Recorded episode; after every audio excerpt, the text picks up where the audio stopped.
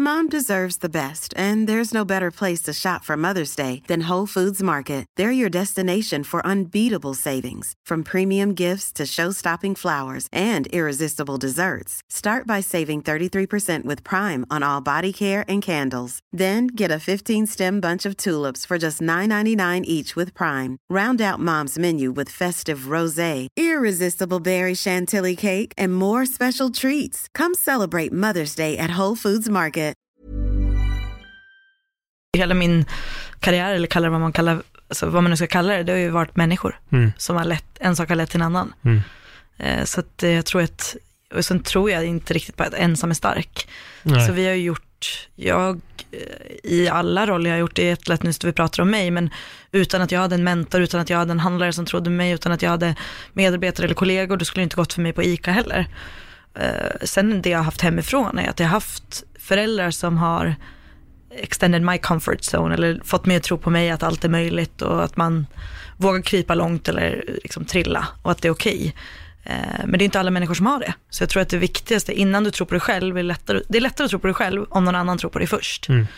Och det är inte alla som har det i en hemmiljö eller en vänskapsmiljö och det är väl någonting vi vill skapa i Global Women, eller jag vill skapa i alla forum jag är.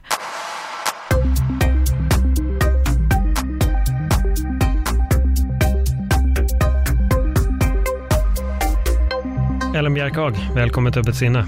Tusen tack. Vad kul, du och jag har ju precis stått och spelat in 22 minuter av podd i ett annat rum och helt plötsligt så uh, funkade bara inte programmet och det vi spelade in, det försvann. Så nu får vi börja om. Det är någon mening med det, så vi, Nu vi gör det bättre nu. Ja men exakt, så allt kontroversiellt som vi har pratat om där inne i 22 minuter kan vi skippa Exakt. den här gången. Eh, nej men jag tycker så här, vi, vi eh, summerar lite snabbt i alla fall. Mm. Du och jag kom i kontakt via Twitter. Du sa att, var det 2011 eller? Ja, någonstans där, 2011-12. Mm. Och det var då jag twittrade mycket och du twittrade typ bara då. Ja, det är den enda perioden i mitt liv jag har twittrat, så det måste vara då. Precis. Och eh, som vi sa då också, det var Tobbe Ström som också har varit gäst i den här podden, komiker, polare till mig. Det var din syrra och det var på den här tiden när, vem man än ungefär twittrade med, började man, börja, började man följa. Exakt. Eh, så ser det ju verkligen inte ut idag.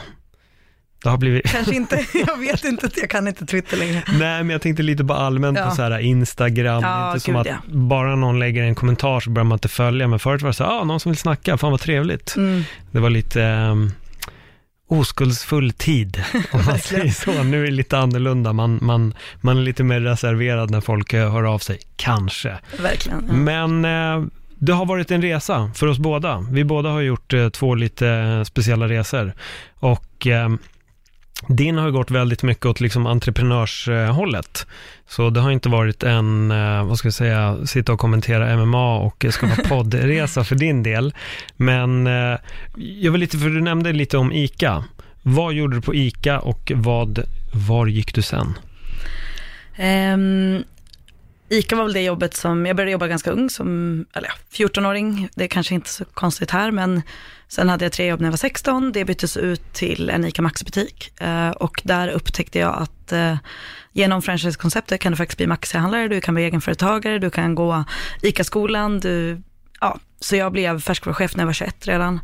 Eh, gick flera utbildningar vid ICA och gjorde sex år där. Så att, fick min första mentor, eh, började dyka in i personlig utveckling eller kanske lära känna mig själv genom olika saker, bland annat eh, Myers-Briggs personlighetstester och kom i kontakt med diskanalys och ja, eh, så från den vägen är det. Och det jobbet ledde mig till att senare arbeta med Paolo Roberto och lansera hans pastamärke Paulos. Då vill jag bara backa bandet. Vad var det för tre jobb du hade? Ehm, Jag jobbade på café, jag jobbade på en auktionsbyrå och jag jobbade i en hockeyarena. Varför hade du tre jobb? Hur gammal var du att du var? Ja, det var väl eh, 14 till 17 ungefär. Nej, det, var, det blev min eh, hobby. Så när vi jobbet så hade jag, eh, alltså helt ärligt så, kaféet, det började jag arbeta på, eh, jag tror en av mina vänner jobbade där som var lite äldre. Och så fick jag börja jobba där två kvällar i veckan. Eh, hockeyarenan var samma sak. De, det var ju typ bara på matcherna vi stod och sålde kaffe och korv liksom. Och sen auktionsbyrån samma sak. Så jag tyckte det var kul att lära mig. Eh, och klara mig själv. Det var väl inte så att jag hade jättestort behov av pengar, så jag la väl dem på hög, men det ledde till en ja, investering i lägenhet senare. Men eh, jag tyckte det var kul bara. Jag tyckte mm. det var väldigt roligt. Och sen byttes de ut då till att jag kunde jobba mer eh, på en Maxi-butik som då öppnade 2006. Fråga bara, vad har du för utbildning? Gick du någon eh, lång utbildning eller var det bara standardgymnasium för dig? Gymnasium, jag, gick, jag har inte tagit någon utbildning efter det, för att Nej. Eh, jag trillade in på ICA och började utbilda mig där inom och började klättra och var färskvaruchef när jag var 21. Mm. Eh, och jag började jobba i den butiken precis innan, innan ja, något år innan jag tog studenten. Så jag har ingen universitetsutbildning faktiskt. Nej. Bra jobbat, det är ett tecken på att det inte behövs. Jag hoppade ju av gymnasiet och ibland kanske skolan är mer en illusion än ja, annat. Alltså jag tror mycket att man kan självutbilda sig också. Mm. Eh, och jag vet ju att du också är jävligt, väldigt hungrig mm. med, med på att läsa och lära sig. Och eh, en universitetsutbildning kan vara jättebra. Eh, jag tror ju på att utbildning är grunden, men, men vad är utbildning? Alltså utbildning mm. kan man ju prata om att lära sig läsa och skriva.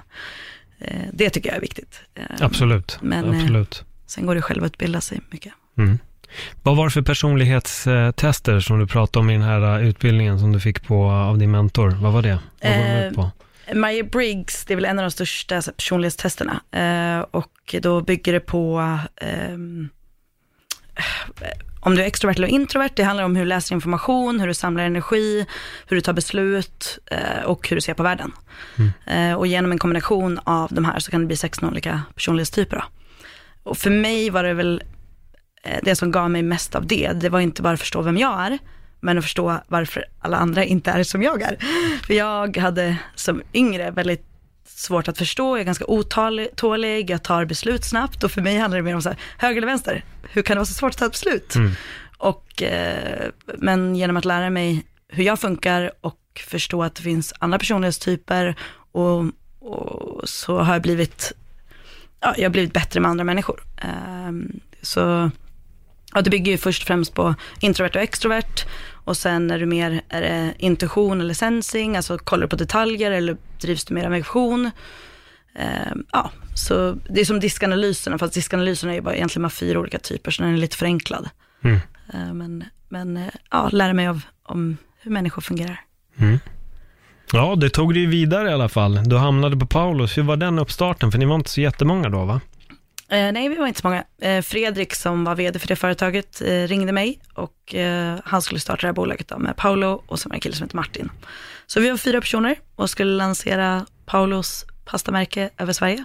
Mm. Jag klev in i att jobba med sälj som jag egentligen inte hade gjort innan, men jag klev in i en roll, ja, som jag sa innan, att jag skulle sälja mot de personerna, det var tjänst jag hade haft. så att, ja, och jag drevs väldigt mycket av vad, vad de ville skapa och, och och vad vi skulle göra med det, även om det var ett pastamärke som vars pasta jag inte ens hade testat när jag började sälja in det. Men eh, det jag verkligen fick kliva in i var ju eh, en entreprenörsresa. För vi, vi var fyra personer och vi skulle eh, få in det över hela Sverige. Vi ja, jobbade dag, dag som natt, eller på sig, men verkligen morgon till kväll och, och tajt. Och det var inte så mycket ramar och regler, utan det var mer att, att jobba mot, mot målen att eh, komma in centralt på ICA, vilket vi lyckades med. Jag skulle precis, det var min fråga, lyckades ni? Ja, vi lyckades eh, väldigt snabbt. Det var bara, tog bara några månader. Så -huh. Jag vet inte om det är ett rekord, men det var ett flertal handlare som sa att det här måste vara ett rekord. rekord. Mm. Så det gick snabbt. Ja. Eh, det var en kul resa. Ja, för jag tror ingen som lyssnar på podden har missat Paulos pastamärke. Jag tror att alla på något sätt känner igen det. Jag tror att majoriteten säkert har käkat pastan också. Ja, idag är det nog så. Mm. Men hur är det att ha Paolo? För det är liksom, han är ju en, är en känd person, det är en väldigt omtyckt. Han har ju blivit liksom Paolo med, med svenska folket. Och, mm. Så det kanske inte var jättesvårt när man säger att det är honom man jobbar åt eller att det är hans produkt man säljer. Eller hur, hur blev du bemött? Alltså det är alltid en ingång. Jag tror att det är en kombination av eh, att Fredrik som var vd hade faktiskt lanserat märke tidigare. Paolo har ett varumärke, alltså han själv, som är känt. Och jag hade en säljerfarenhet, eh, eller inte säljerfarenhet, men jag, hade, jag kände de kunderna vi ville sälja in det till, så jag kunde sätta mig i deras, så jag tror en kombination av allting och sen väldigt hårt jobb.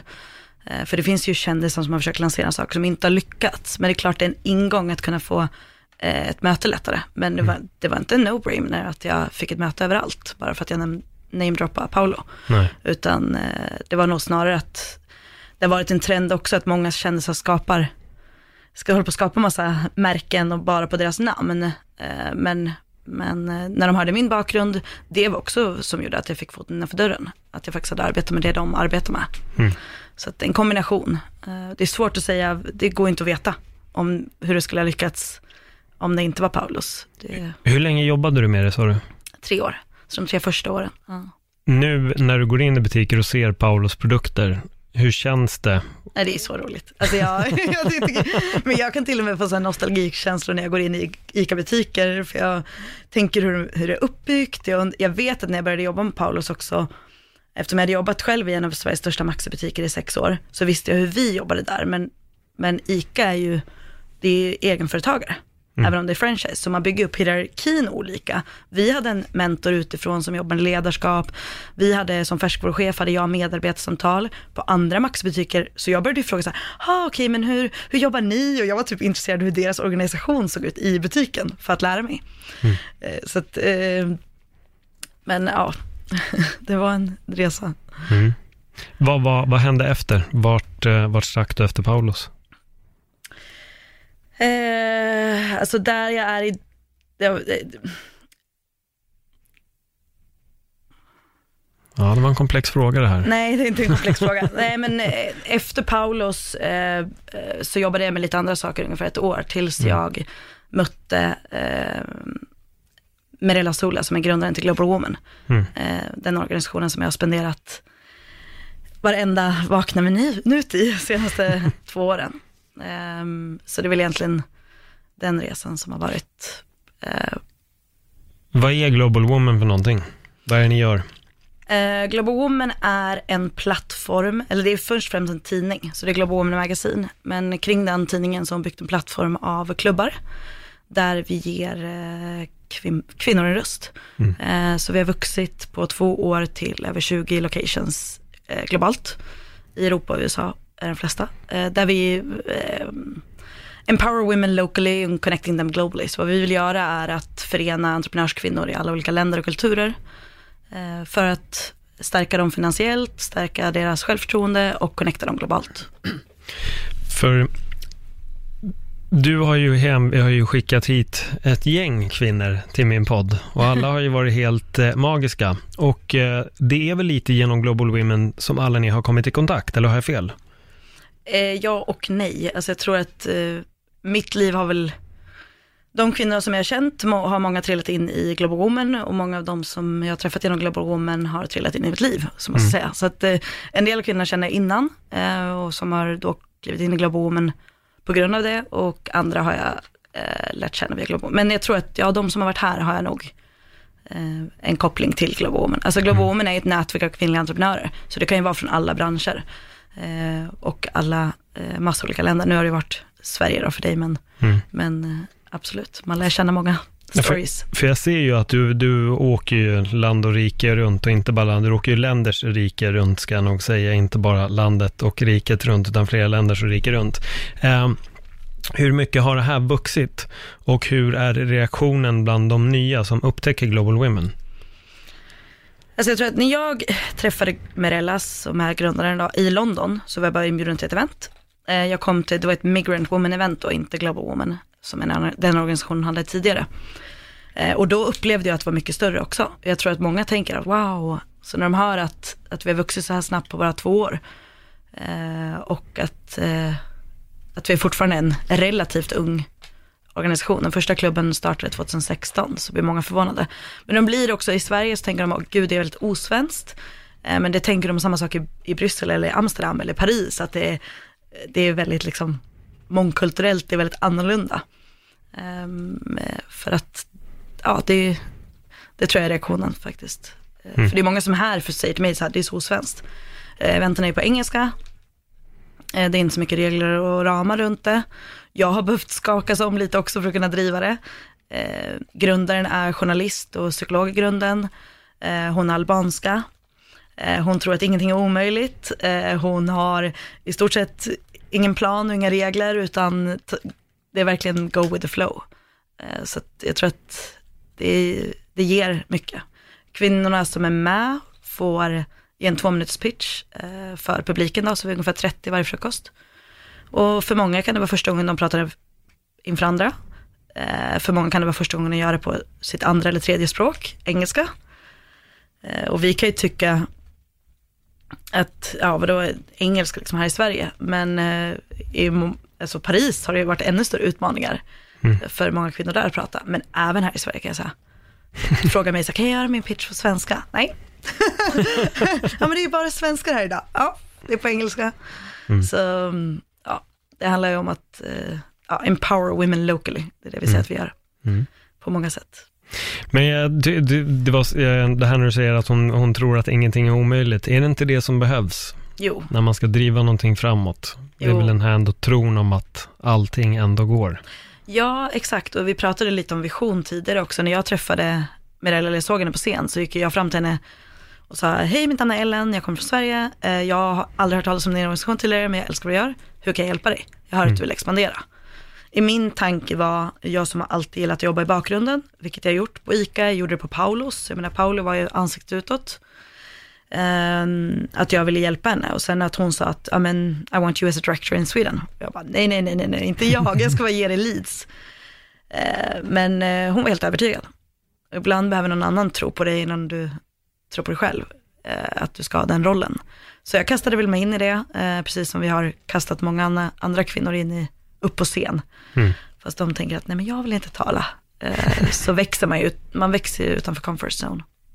Hur var din eh, känsla när, när du väl började med allting, när första gången du fick göra de här uppgifterna som hon bad dig om? Alltså när jag går in så går jag all in. Så när jag väl hade sagt ja så var det ju bara så här, ordna lokal, fixa eh, speakers, eh, liksom allt runt omkring. Så då var jag bara all in. sen visste jag nog inte vad jag skulle förvänta mig, men, men jag är också visionär, jag är inte så detaljstyrd. Så jag tänker att de sakerna löser sig, men det var nog mer att jag tagit beslutet att kliva in i det. Mm. Um, sen flög jag till London en gång till för att vara med på ett event, för att se hur de gjorde det. För jag hade ju bara varit på ett event och träffat henne live en gång.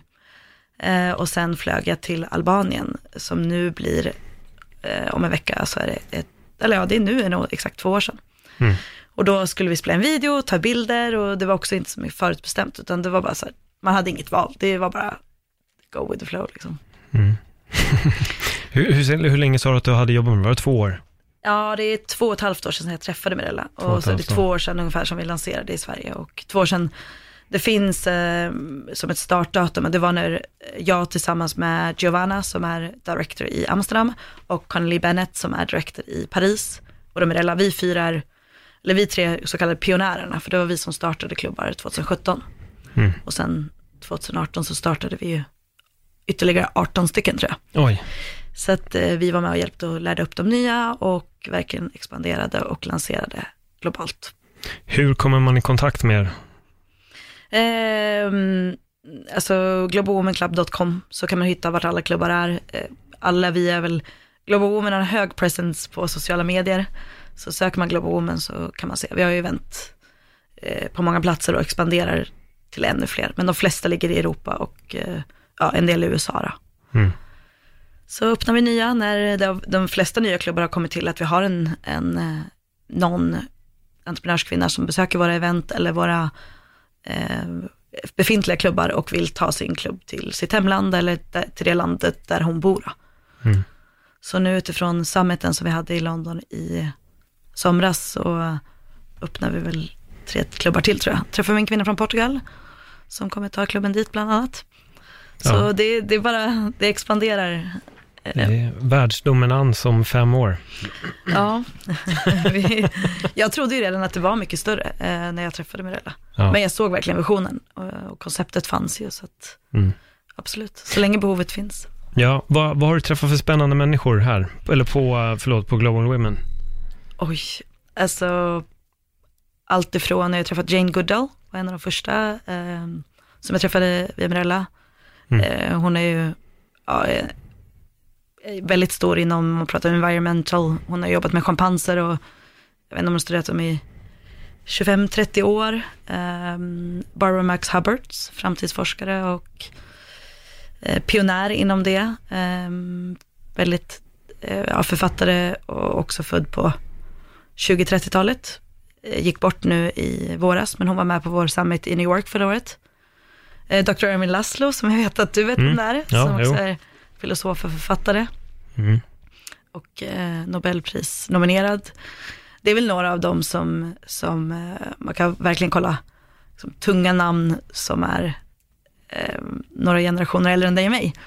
Sen har det alltid var- varit från motivationstalare som Les Brown, eh, vi hade Kim Kiyosaki som är gift med Robert Kiyosaki som skrev Rich Dad Poor Dad. Mm. Men de mest intressanta mötena, det tycker jag också är människor som är helt okända. Och sen hör man deras stories. Det är kvinnorna som är våra medlemmar, som kommer till våra eh, klubbar och delar sin story. Det är, tycker jag är så fascinerande. Mm. Att alla människor, det spelar ingen roll hur känd du är eller hur, eh, alla har en story. Så att, eh, men absolut, det har ju varit eh, helt otroliga namn. Eh, och jag är ju ganska kändisblind. Ehm, så ibland har jag suttit eh, på någon gala eller på någon middag med Mirella och så har man hamnat bredvid någon som man tänker så här, okej. Eh, hade ingen aning. För det är ju också, vi kan ju tänka att vi vet vi, våra nationella kändisar. Ja, Men alla länder har ju sina nationella kändisar. Så att de kanske är väldigt kända i Amsterdam eller i London, eller, men hur ska vi veta vem de är här? Så då har vi deras toppkändisar. Så det har ju varit väldigt många. Eh, BBC-journalister, eh, Al Jazeera-journalist, eh, Sami Seidan, han var vår MC för galan i somras. Eh, och i New York var det också mycket amerikanska eh, riktiga powerkvinnor. Så att, ja, jag vet inte, jag kan nog na- namedroppa många, jag kan lista tror jag, men ehm, ja. vad har inspirerat dig mest under någon av de här Global Women-träffarna? Alltså det som inspirerar mig mest är eh, att verkligen komma bakom fasaderna på människor och höra deras story. Eh, oavsett om det är ett känt namn eller ett okänt namn. Eh, det är att nu verkligen ger utrymme för en röst att bli hörd, oavsett om det är skrift eller tal eller eh, jag tror alla människor vill bli sedda och hörda. Eh, jag tror därför också är jätteviktigt att vi, jag vet att du pratar om att vara väldigt närvarande, jag vet att du mediterar mycket, men jag kan också känna att de dagarna som jag är mest närvarande, det är då jag får mest kärlek tillbaka. Det spelar ingen roll om det är på Pressbyrån eller i kassan någonstans, men när man ser och hör en människa, då får man tiofalt tillbaka.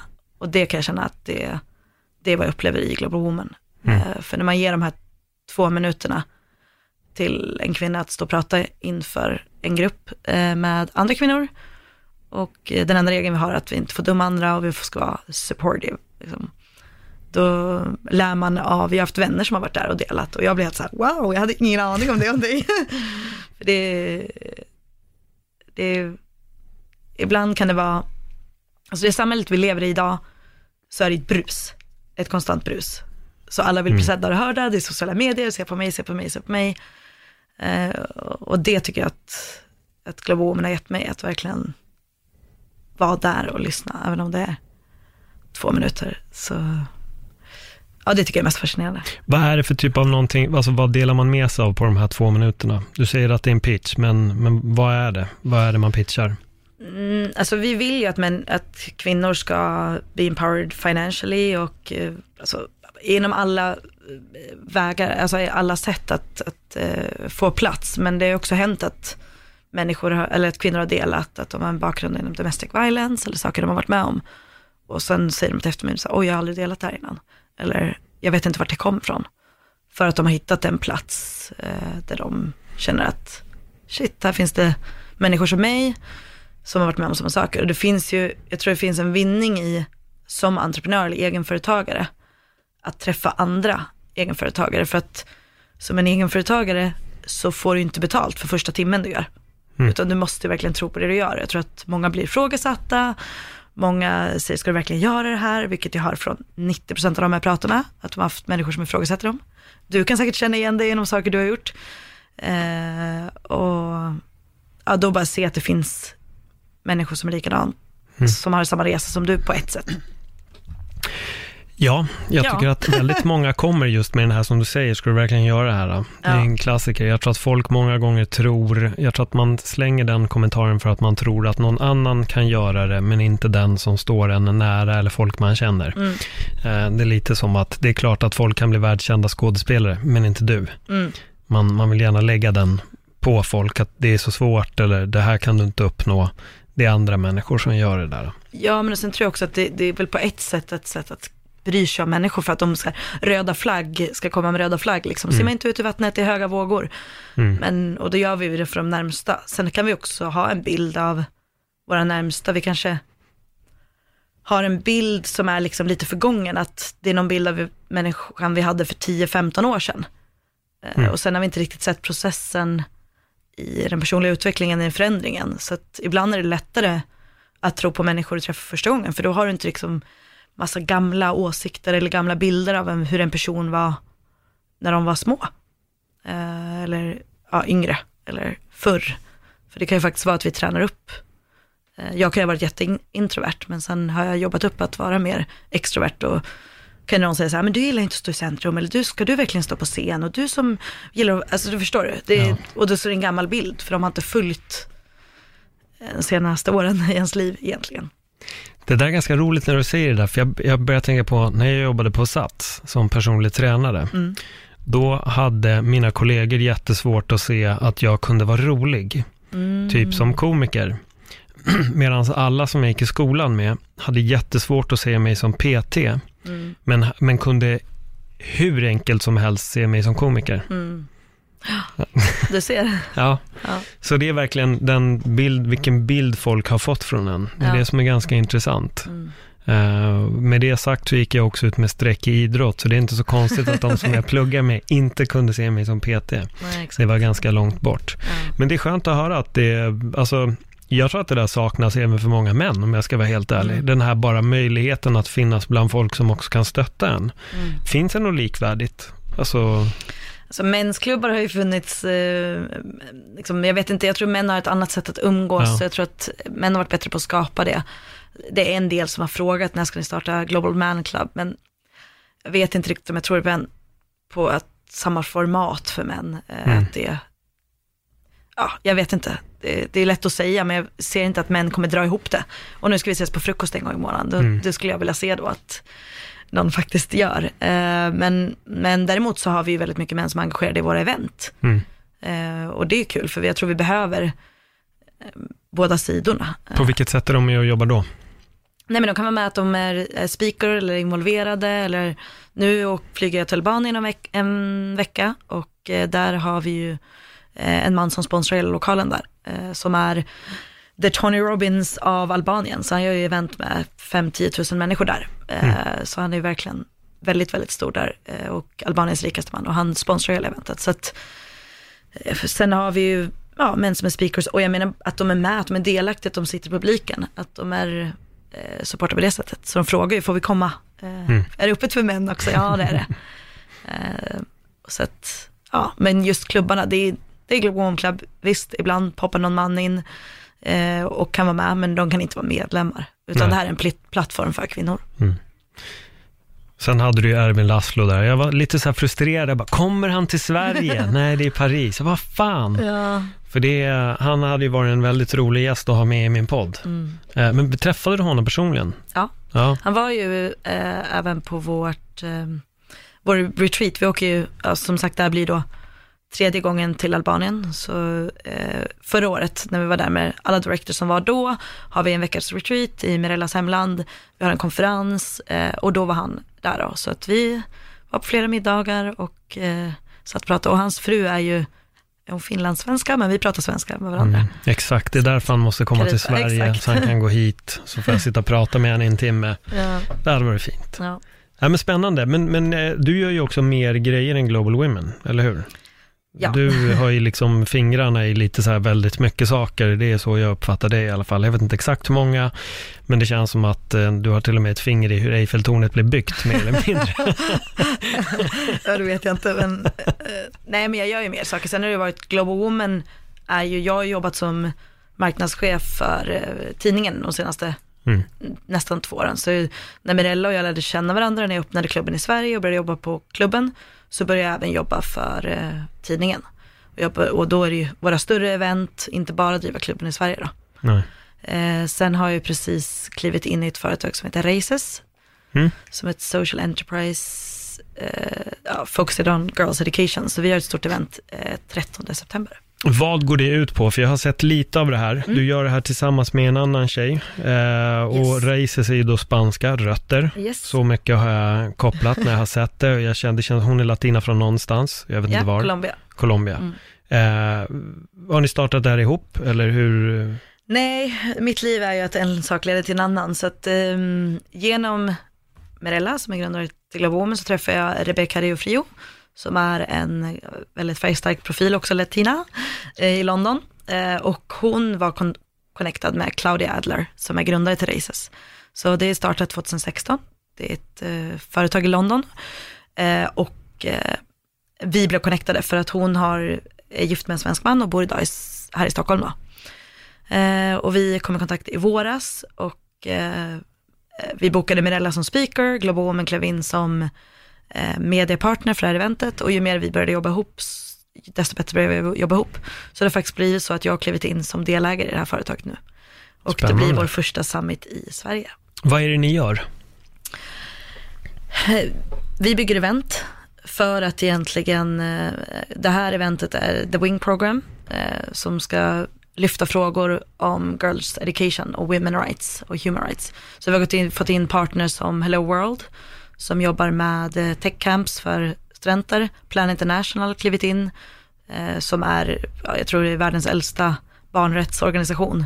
De har väl varit aktiva över, över 50 år i alla fall, om inte närmare 80. Eh, och eh, för att, eh, för att eh, företagsledare ska träffas och faktiskt diskutera de här frågorna tillsammans. Mm. Så det kan vara allt från child marriage till, eh, till education, till technology eh, och sen eh, har vi en stor summit. Så det blir summit och sen blir det award för att lyfta framtidsstjärnor. Så vi bygger event. Mm. Eh, Men som ett social enterprise så bygger ju även, då ger vi tillbaka, så vinsten kommer gå, för det här eventet kommer gå att bygga ett bibliotek i Uganda. Eh, Okej. Så att, eh, det är verkligen att ge tillbaka. Och för mig känns det väldigt kul, för jag har jobbat med kvinnor och nu blir det att gå ner i åldern och faktiskt kunna ge tillbaka till vår framtid som är Mm. the next generation och kids. Men det är event och det är väl det jag är bra på, så att eh, det, det är mycket jobb inför det nu kan jag säga. Jo, men det här sett. Jag har märkt Mm. att det är fullt upp och ni har hängt rätt mycket. I alla fall vad jag kan se på dina, så mycket som jag kan se på dina sociala medier i alla fall. Så ser jag att det har varit väldigt fullt upp med just den här biten. Jag tycker det är intressant att du kommer in på det här med att eh, ge tillbaka. För eh, under de 22 minuterna som folk aldrig kommer få höra, för att de 22 minuterna upphör att existera, så kommer vi in på det här med pengar. Mm. Eh, och jag tycker ändå att jag vill, jag vill ta upp det lite nu, för att nu är du inne på den här intressanta grejen med att, med att ge tillbaka. Och vi pratade det här med att, eh, ja, men kommentaren är att ta pengar för givet, eller pengar är bara pengar. Eller säga fel på den första där. Pengar är bara pengar, så ja, att folk som säger pengar är bara pengar är de som oftast har väldigt mycket pengar och menar att de behöver egentligen inga pengar, men de är bara så vana vid att sitta på massa pengar. Ja, fast där tycker jag, håller jag inte riktigt med dig, för jag kan tycka att det är väldigt många som inte har pengar som säger att pengar är inte viktigt. Mm. Och sen sitter de ändå och diskuterar sina resmål det. och tar beslut utifrån bara pengar, vart de ska resa. Ja. Så att, eh, ja, jag kan nog tänka att, eh, jag behöver inte pengar eller jag drivs inte av pengar. Nej, okej, men vad drivs du av då? Mm. Och sen pratar du också om att om man bara ser till sig själv, om man inte ens ser till att jag vill bygga en skola eller jag vill förändra världen, så, så tar ju de flesta beslut i sitt liv baserat på pengar Exakt. vilket jobb de ska ta, vilket hus de ska bygga, vart de ska bo, eh, vart de ska resa. Så att, att inte drivas av pengar eh, kan jag också tycka, och det sa jag under de här 22 minuterna, men det, det, det är nästan en förolämpning eh, för många, för att för dem är det avgörande med pengar. Mm. Eh, Och inte pengar i sig, pengar papper, absolut, men pengar kan betala för rent vatten och tak över huvudet. Exakt. Och för dem blir det, jag tycker att det blir ganska ignorant att säga att det inte är viktigt. Jag är, mm, jag är uppväxt med tre syskon i ett hus, vi åkte semester från att vi var små. Absolut inte i ett, ett, en prylfamilj, men jag tror att det jag har fått med mig hemifrån att vara medveten om vad jag är född med. Och bara vara så medveten som jag har blivit de två senaste åren, vad ett svenskt pass kan göra. Eh, så att vi, vi i Sverige, eller vi, kanske inte bara i Sverige, men jag tror många är födda så högt upp på näringskedjan, att då säger de att pengar är inte viktigt. Nej, för att, eh, att inte ha pengar i Sverige, det är lite annorlunda. Det är inte så att du har fortfarande rent vatten och har tak över huvudet, så säger man så här, men jag, har, jag är fattig eller jag kan inte åka till den här resmålet. Så jag vet inte, pengar är ju, är ju en handelsvara. Mm. Och innan pengar så var det något annat. Nej men så är det och det är också kul att höra att eh, med pengar så kan ni också ge tillbaka, som nu med Mm. pengarna som kommer att tjänas på det här eventet, så kommer du kunna bygga, var det en skola eller ett bibliotek? Nu är det bibliotek, Ett bibliotek. för studenterna där. Så. Mm. Grymt, alltså jag tycker det är kul för det är de här osjälviska akterna och eh, jag hade ju, åh vad hette första gästen, var det Jana? Dana. Dana, Yes. Dana. Eh, kom ju hit och det var just Uganda också. Det här Mm. med vatten och allt som hon gör där borta i skolorna. Det är bara den här totalt osjälviska akten av att bara vilja ge tillbaka.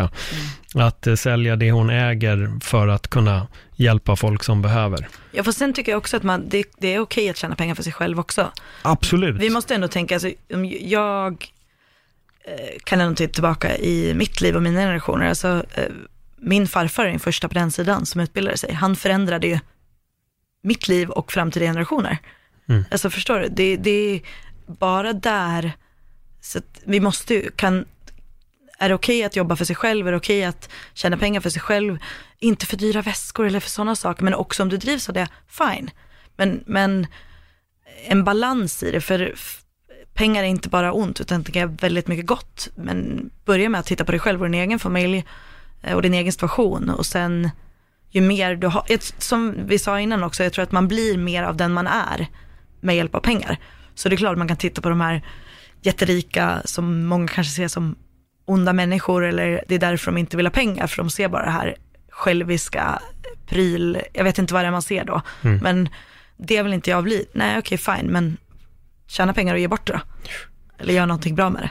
Jag Det hörde är dags att bra människor tjänar mycket pengar. Ja, men så är det absolut. Jag, det var ett, åh, jag kommer inte ihåg vem det var som sa just det här citatet, men jag tyckte att det var klockrent. Han sa att jag har mycket pengar, men jag vill bara göra bucket list shit.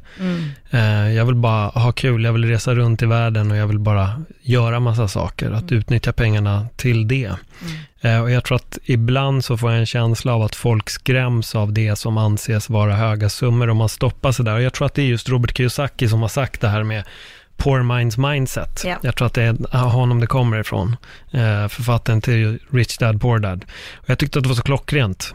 Eh, för att jag tror det är så lätt att fastna i tanken om vad mycket pengar är och när du har hamnat i den tanken om vad mycket pengar är, då kommer den siffran, du kommer aldrig riktigt nå den siffran. För att du har låst dig vid det tänket istället för att tänka att det är en helt okej summa pengar. Mm. Ehm, och då börjar du helt plötsligt nå de pengarna istället. Mm. För jag vet att jag har nog, kunde nog förut fastna lite i det där, ett poor minds mindset Mm. och att det var kvar, att det blev, jag hade en tanke om vad mycket pengar var. Mm. Medan när man har släppt tanken om vad mycket pengar är, har jag helt plötsligt också på något sätt börjat tjäna mer pengar, för att jag har Mm. inte sett det som den här ouppnåeliga summan, Nej, om man säger så. Nej, men kan inte du också känna att ibland när man, när man känner att man ska, jag tror att, nu har inte jag barn, men, eh, men många som kan sätta ett mål utifrån, ut, utanför sig själv har mycket lättare att jobba mycket hårdare eller att tjäna pengar.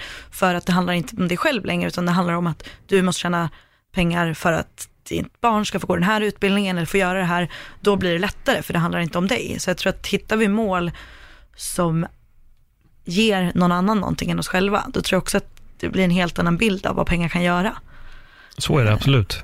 Så att, eh, det behöver inte vara själviskt att tjäna pengar, för du vet, det är som med Global Woman, en del kan också fråga så här, ah, vad går medlems, vad går eh, pengarna till? då?" Ja, det går till att öppna fler klubbar. Mm. Och om det inte skulle göra det, så är det inte okej att kunna tjäna pengar. Det är ungefär som att så här, nu gör vi något bra, vi ger en plattform till kvinnor, ja, då får vi inte tjäna pengar. Eller? Alltså det blir, ska man bara kunna tjäna pengar på, det är ingen som frågar McDonalds att de tjänar pengar. Nej. Nej. Alltså, det, men nu är det ju så att just den, den eh, Global Women Club, det är all, alla pengar investeras till att öppna nya. Och vi ska ju också veta att nu är vi ju flest, många frågar varför öppnar ni inte i Afrika, varför öppnar ni inte på de här platserna? Jo, för att många av de platserna där, dit vi vill kommer inte att kunna investera i medlemskap eh, eller i lokaler, eller i, så vi kanske behöver finansiera det via klubbar i Europa eller USA. Eller platser åtminstone där det finns pengar. Så att eh, tänker man hela tiden att det ska in igen i liksom ett hjul av tillväxt, då, då blir ju pengar en tillgång. Mm. Det är en rävsax. Ja, Det är det. Jag, börjar var tänka, kul att du har ändrat lite där då. Ja, nej men absolut. Nej men det har jag gjort. Jag, jag vet inte var det kommer ifrån. Det har nog bara kommit med, med tiden. Mm. Eh, så tror jag kanske för att jag bara är på en plats i livet också där jag är nöjd med jobbet jag har. Och nu förut har jag liksom, så här, förstår man rätt, jag har skitit i pengarna för att jag har strävat efter det jag vill. Mm. Jag har liksom köpt min frihet genom att ja, men kunna jobba med min stand-up eller skriva vad jag nu vill göra. Jag har lagt mitt, mitt prio har varit där. Mm. Då har jag köpt min frihet för att kunna jobba för att uppnå någonting. När jag väl har nått dit i livet där jag känner att fan, här, här vill jag vara. Då blev det också, men nu vill jag fan tjäna pengar också. Nu måste jag tjäna ikapp. Mm. Ehm, så nu tror jag bara att jag är, i en, jag är en annan plats i livet där jag är mer liksom nöjd. Mm. Eh, och då, ja, nu vill jag fan tjäna lite pengar också. Ja, det är bra. Nej, men och, och det är väl det, jag, jag tror ibland så har man bara en, en snäv syn. Jag tror det är just lite det som jag är ute efter, att man, man som jag har hört folk säga så här, "Men 40 000 kronor, 50 000, är inte det jättemycket pengar? Det, så här, det beror på helt på hur man ser Mm. på det. Såklart, och som jag sa i inspelningen som nu inte finns, så är det för Warren Buffett till exempel, som är en av världens, eller världens bästa investerare, och en av de rikaste männen i hela världen. För honom är inte 50 000 någonting. Nej. Så allting är en fråga om vem, vem tittar på de här 50 000 kronorna. Mm. Sen behöver inte alla ha alla pengar i hela världen heller. Det tror jag också hade blivit väldigt snurrigt och jag tror att vissa människor sitter istället med på tok för mycket pengar. Mm. Och jag tror att de som kanske sitter på på tok för mycket pengar kanske ska börja fundera på att också ge tillbaks precis lite det som ni gör. Så jag tror inte att det är en... Ja, fast jag kan också tänka att de som sitter med, många som sitter med så mycket pengar ger ju tillbaks mångfald också. Så jag tror att, Många tror- gör det, inte Ja, alla. nej. Det är lite det jag börjar, jag, jag tror att det finns också, när man snackar om den här en procenten, mm, som till exempel om vi går på de här, ja, som äger Walmart till exempel, Mm. de sitter med sjuka summor pengar och så drar de ner lönerna på sina anställda. Mm. De får inte tjäna någonting, utan deras rekommendation blir ungefär sök bidrag. Det är bara sjukt. mm, Eh, jag tycker att du ska alltid kunna tjäna pengar, men du ska inte tjäna pengar på att andra människor blir fattiga. Då Nej. tycker jag att där är det, det är fel enligt Mm. mig. Då tycker jag att man får liksom ändra om sitt tänk lite om man sitter med en Jag tror att Amazon är väl lite, funkar lite på samma sätt. Jag tror att de Mm. anställda där jobbar arslet av så tjänar jag alltså typ ingenting. Och det är bara, då är det bara snurrigt för mig. Mm. Eh, Men däremot om du tjänar pengar, men om du har ett företag som är stort och också genererar pengar till dina anställda, så de är glada, de mår bra, de kan ha sin semester, de kan njuta och göra, spendera pengar också, ja, men då, då är det win-win för allihopa. mm. Eh, Så jag är nog mer i den här jättekommunistiska, alla ska ha ett, nej jag skojar bara. Nej. Nej men det är absolut inget fel att, att tjäna pengar, jag tycker alla har all rätt att tjäna pengar, men, men det ska inte bli att man driver ett företag där de som anställda åt en ska lida. Nej. Då tycker jag att det är, då är det fel. Då föredrar jag hellre det ni gör, att man startar någonting och så kan man investera det till de som behöver. Mm. Att man ger tillbaka, jag tror ändå poängen av att ge tillbaka, den är fin liksom, Mm. den är bra. Men sen ska det inte vara att du ger tillbaka om du inte har pengar själv. Så ska Nej. du inte sitta där, nu måste jag ge tillbaks. Nej. Men Nej. ja, jag tror du förstår vad jag menar. Ja, verkligen. Absolut. Men jag tror också att, eh, alltså vi måste nog bara, som du sa, man måste förändra tankesättet kring det liksom. Mm. Och sen uppmana dem som att, att uh, pay it forward hela tiden. Och det, det är Ja. det jag har drivits av hela tiden. För jag tror att jag frå, många frågade mig redan tidigt, så här, varför jobbar du och du har det ju bra, eller för då måste du jobba? Och det kanske jag inte behövde så tidigt. Vi hade ju tre jobb där parallellt med skolan. Men det handlar inte om, för mig handlar det också om att och det är jag drivs av hela tiden. Det handlar inte om perfection, det handlar om progress. Om jag nu är infödd i näringskedjan där jag är, då kanske jag måste jobba ännu hårdare. För annars har jag de här förutsättningarna som jag bara är infödd i. Mm. Att eh, med ett svenskt pass, alltså det är inget, det, är ju, det är en slump. Alltså att jag är född med det här och att någon annan är född med något helt annat. Men då kanske vi behöver jobba lite hårdare för att vi är högre upp på näringskedjan för att kunna hjälpa människor som, som eh, behöver den hjälpen. Det drivs jag av, att hela tiden kunna ge, ge tillbaka. Mm. Och det behöver inte vara i form av pengar. Det kan vara i form av att du är större och starkare än någon annan och skyddar de som är mindre och svaga på olika sätt, men bildligt talat. Mm. Vad skrämmer dig? Oj.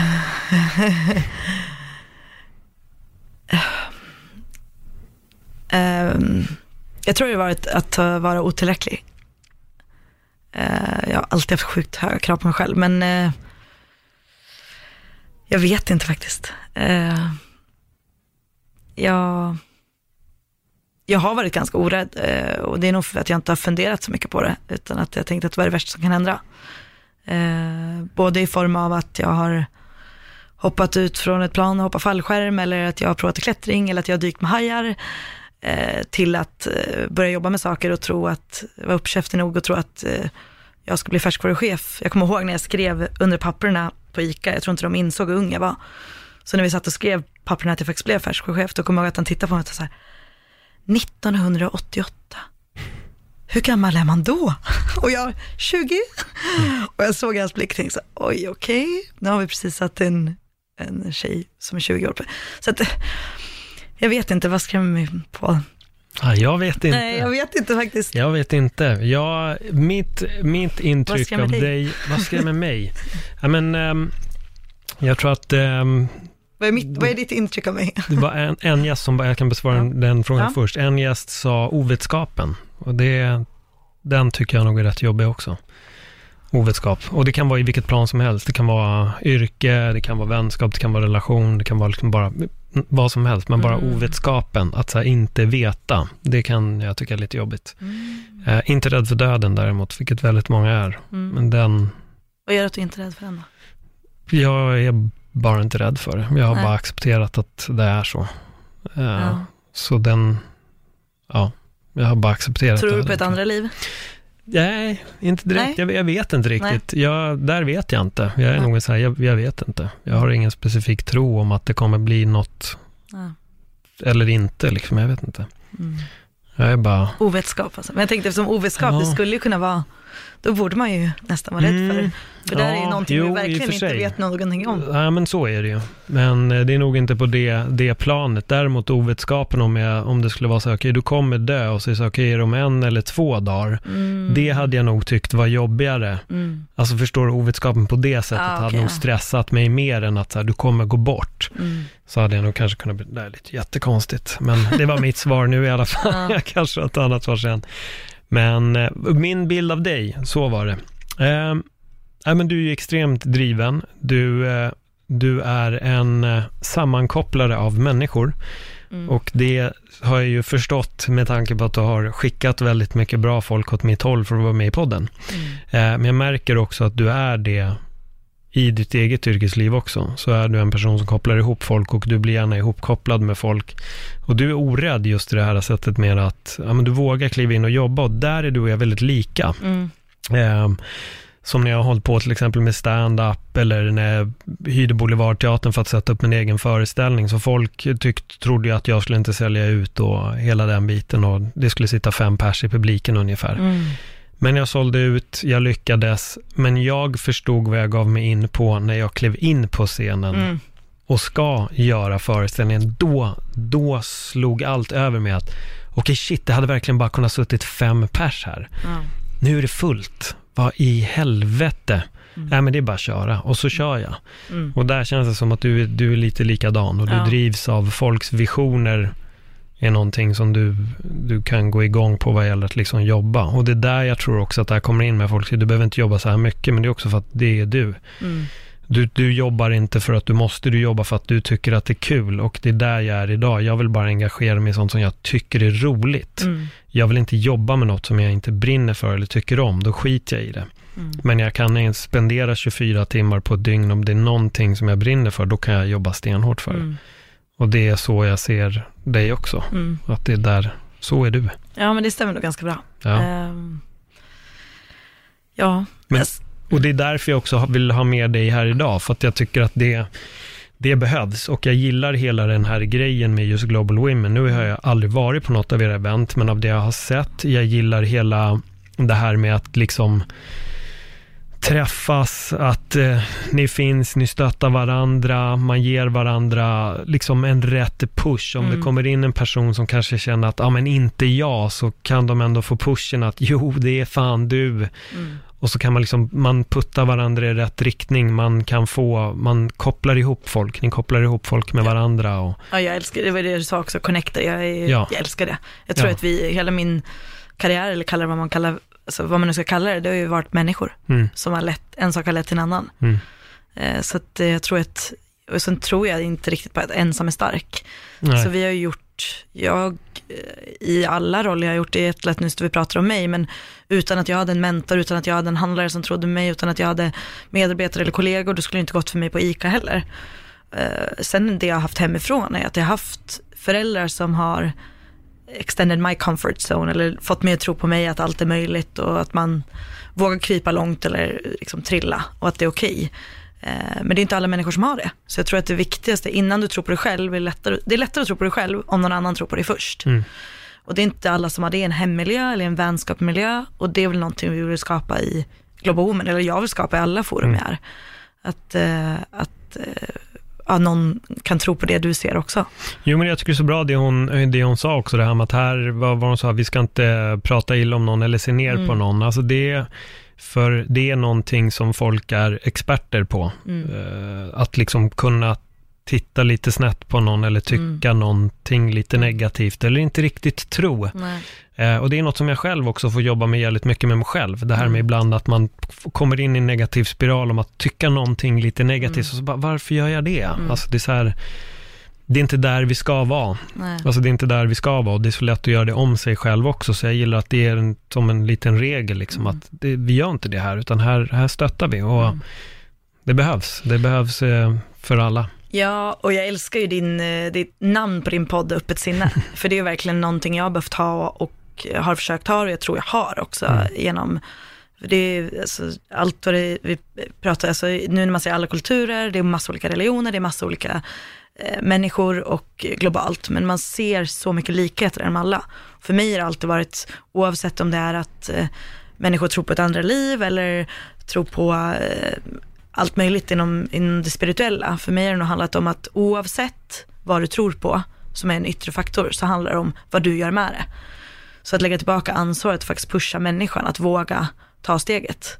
Eh, att vi kan faktiskt styra mer än vad vi, vad vi tror. Och det är att, men då behöver man ge kraft till människor och tro på dem för att de ska våga tro på sig själva. Eh, och det är väl, det, är- ja, det har varit nyckeln i, i Global Woman, tror jag. Och för mig generellt. Mm. Eh, så att, nej men öppet sinne, det, det, det, det har varit någonting man fått, som jag har fått arbeta med eller haft eh, under de här två åren också när man, man expanderar. Och jag vet ju det att du är också väldigt nyfiken på, på, på olika områden, men jag tror att har vi ett öppet sinne vad vi än kliver in i och inte är så självkritiska, då kommer vi bra mycket längre. Definitivt, och jag tror att det är den här självkritiken som gör att man också begränsar sig själv. Mm. Att man stannar upp, man vågar inte riktigt tro på sig själv. Det är någon annan, inte jag. Mm. Eller, hade det varit så lätt hade alla gjort Mm. det. Klassisk kommentar Mm, också. mm. Medan det handlar om om alla hade varit, inte varit så rädda så kanske fler hade kunnat. Ja. Om fler hade vågat så hade fler också nått fram. Ja. Ja, men det är som jag har fått för jag frågan tidigare, jag tror det var när jag jobbade med Palpa, men hur kommer, eller, hur kom du i kontakt med det här och hur får du så mycket roliga jobb och hur, jag tänker så här, ja alltså det är ju det är bara att öppna dörren, det är ju möjligheter överallt. Det handlar ju mer om att vara mottaglig för dem. Mm. Eh, och sen att du inte vet, du vet aldrig vem du möter eller vad den pe- personen kommer bli. Men när, när Fredrik var säljare, eh, som kom att bli vd i Paulus, eh, som startade upp bolaget med Paulus, när han var säljare några år tidigare, hur många är inte otrevliga mot säljare? Mm. Vi skapade en connection och några år senare ringer han och ber om ett möte. Bara utifrån att, att jag vet inte, att jag varit trevlig, att vi gjorde ett bra arbete ihop. Eh, Och jag vet ju det när jag var ute som säljare, att inte generellt, för det kan också vara, men vissa är lite halvotrevliga bara för att du är säljare. Så då är du en, en, de är i en position där de tycker att de sitter över dig. Och det tycker jag är fascinerande, för då tänker jag så här, okej, du, vet in, du vet aldrig vem du pratar med. Eh, och som jag sa till dig också, jag har hamnat bordet bredvid liksom, stora nationella kändisar i det landet och jag hade ingen aning, vilket jag älskar. För ibland ha förutfattade meningar också. Eh, och folk har frågat mig, ja men hur är Paolo, hur är han egentligen? Ja, alltså det är en människa bakom varje känt ansikte också. Mm.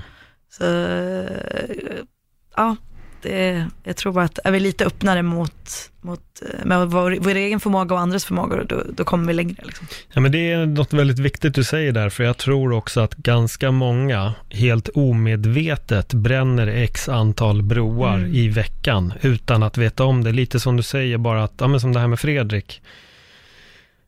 Hur hade ditt liv sett ut idag mm. om, du all, om du hade varit otrevlig mot honom då? Mm då hade inte du hamnat på Paulos. Det hade varit något, någonting helt annat mm. då. Det kanske hade varit bättre, kanske hade varit mycket, mycket ja, sämre. Man, man, vet aldrig.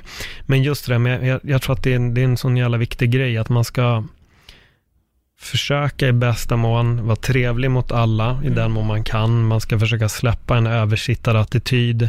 För man vet aldrig vad den personen kan, kan erbjuda i framtiden. Nej.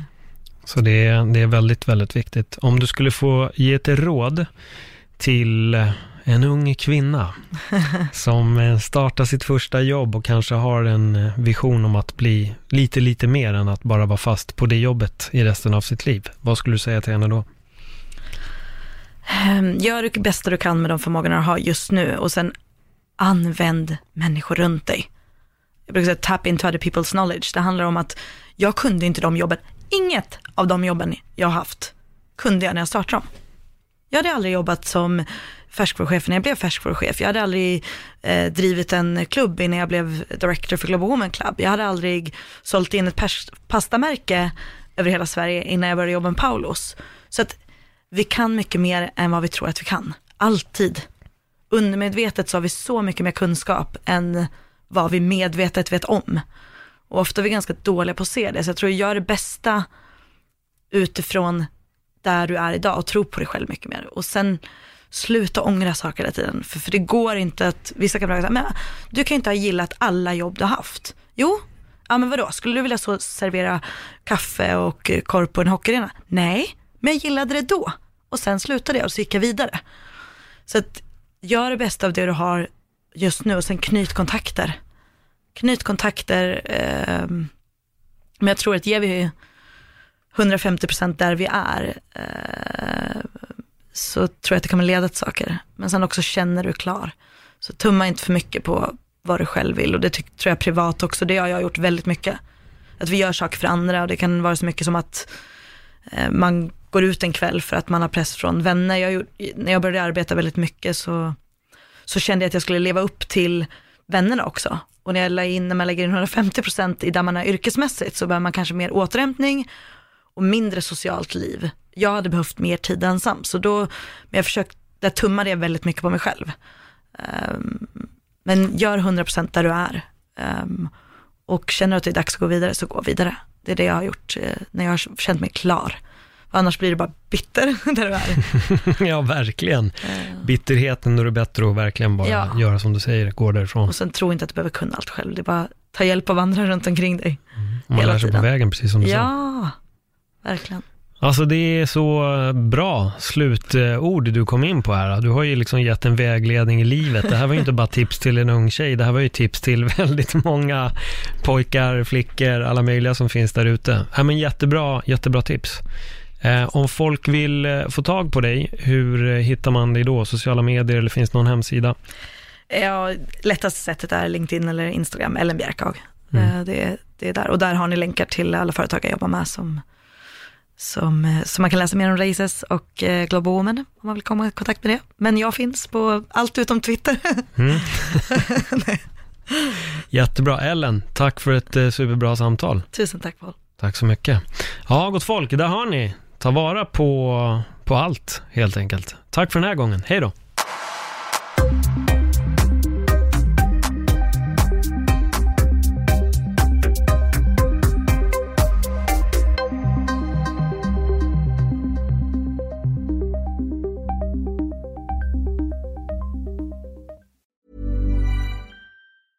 Even when we're on a budget, we still deserve nice things.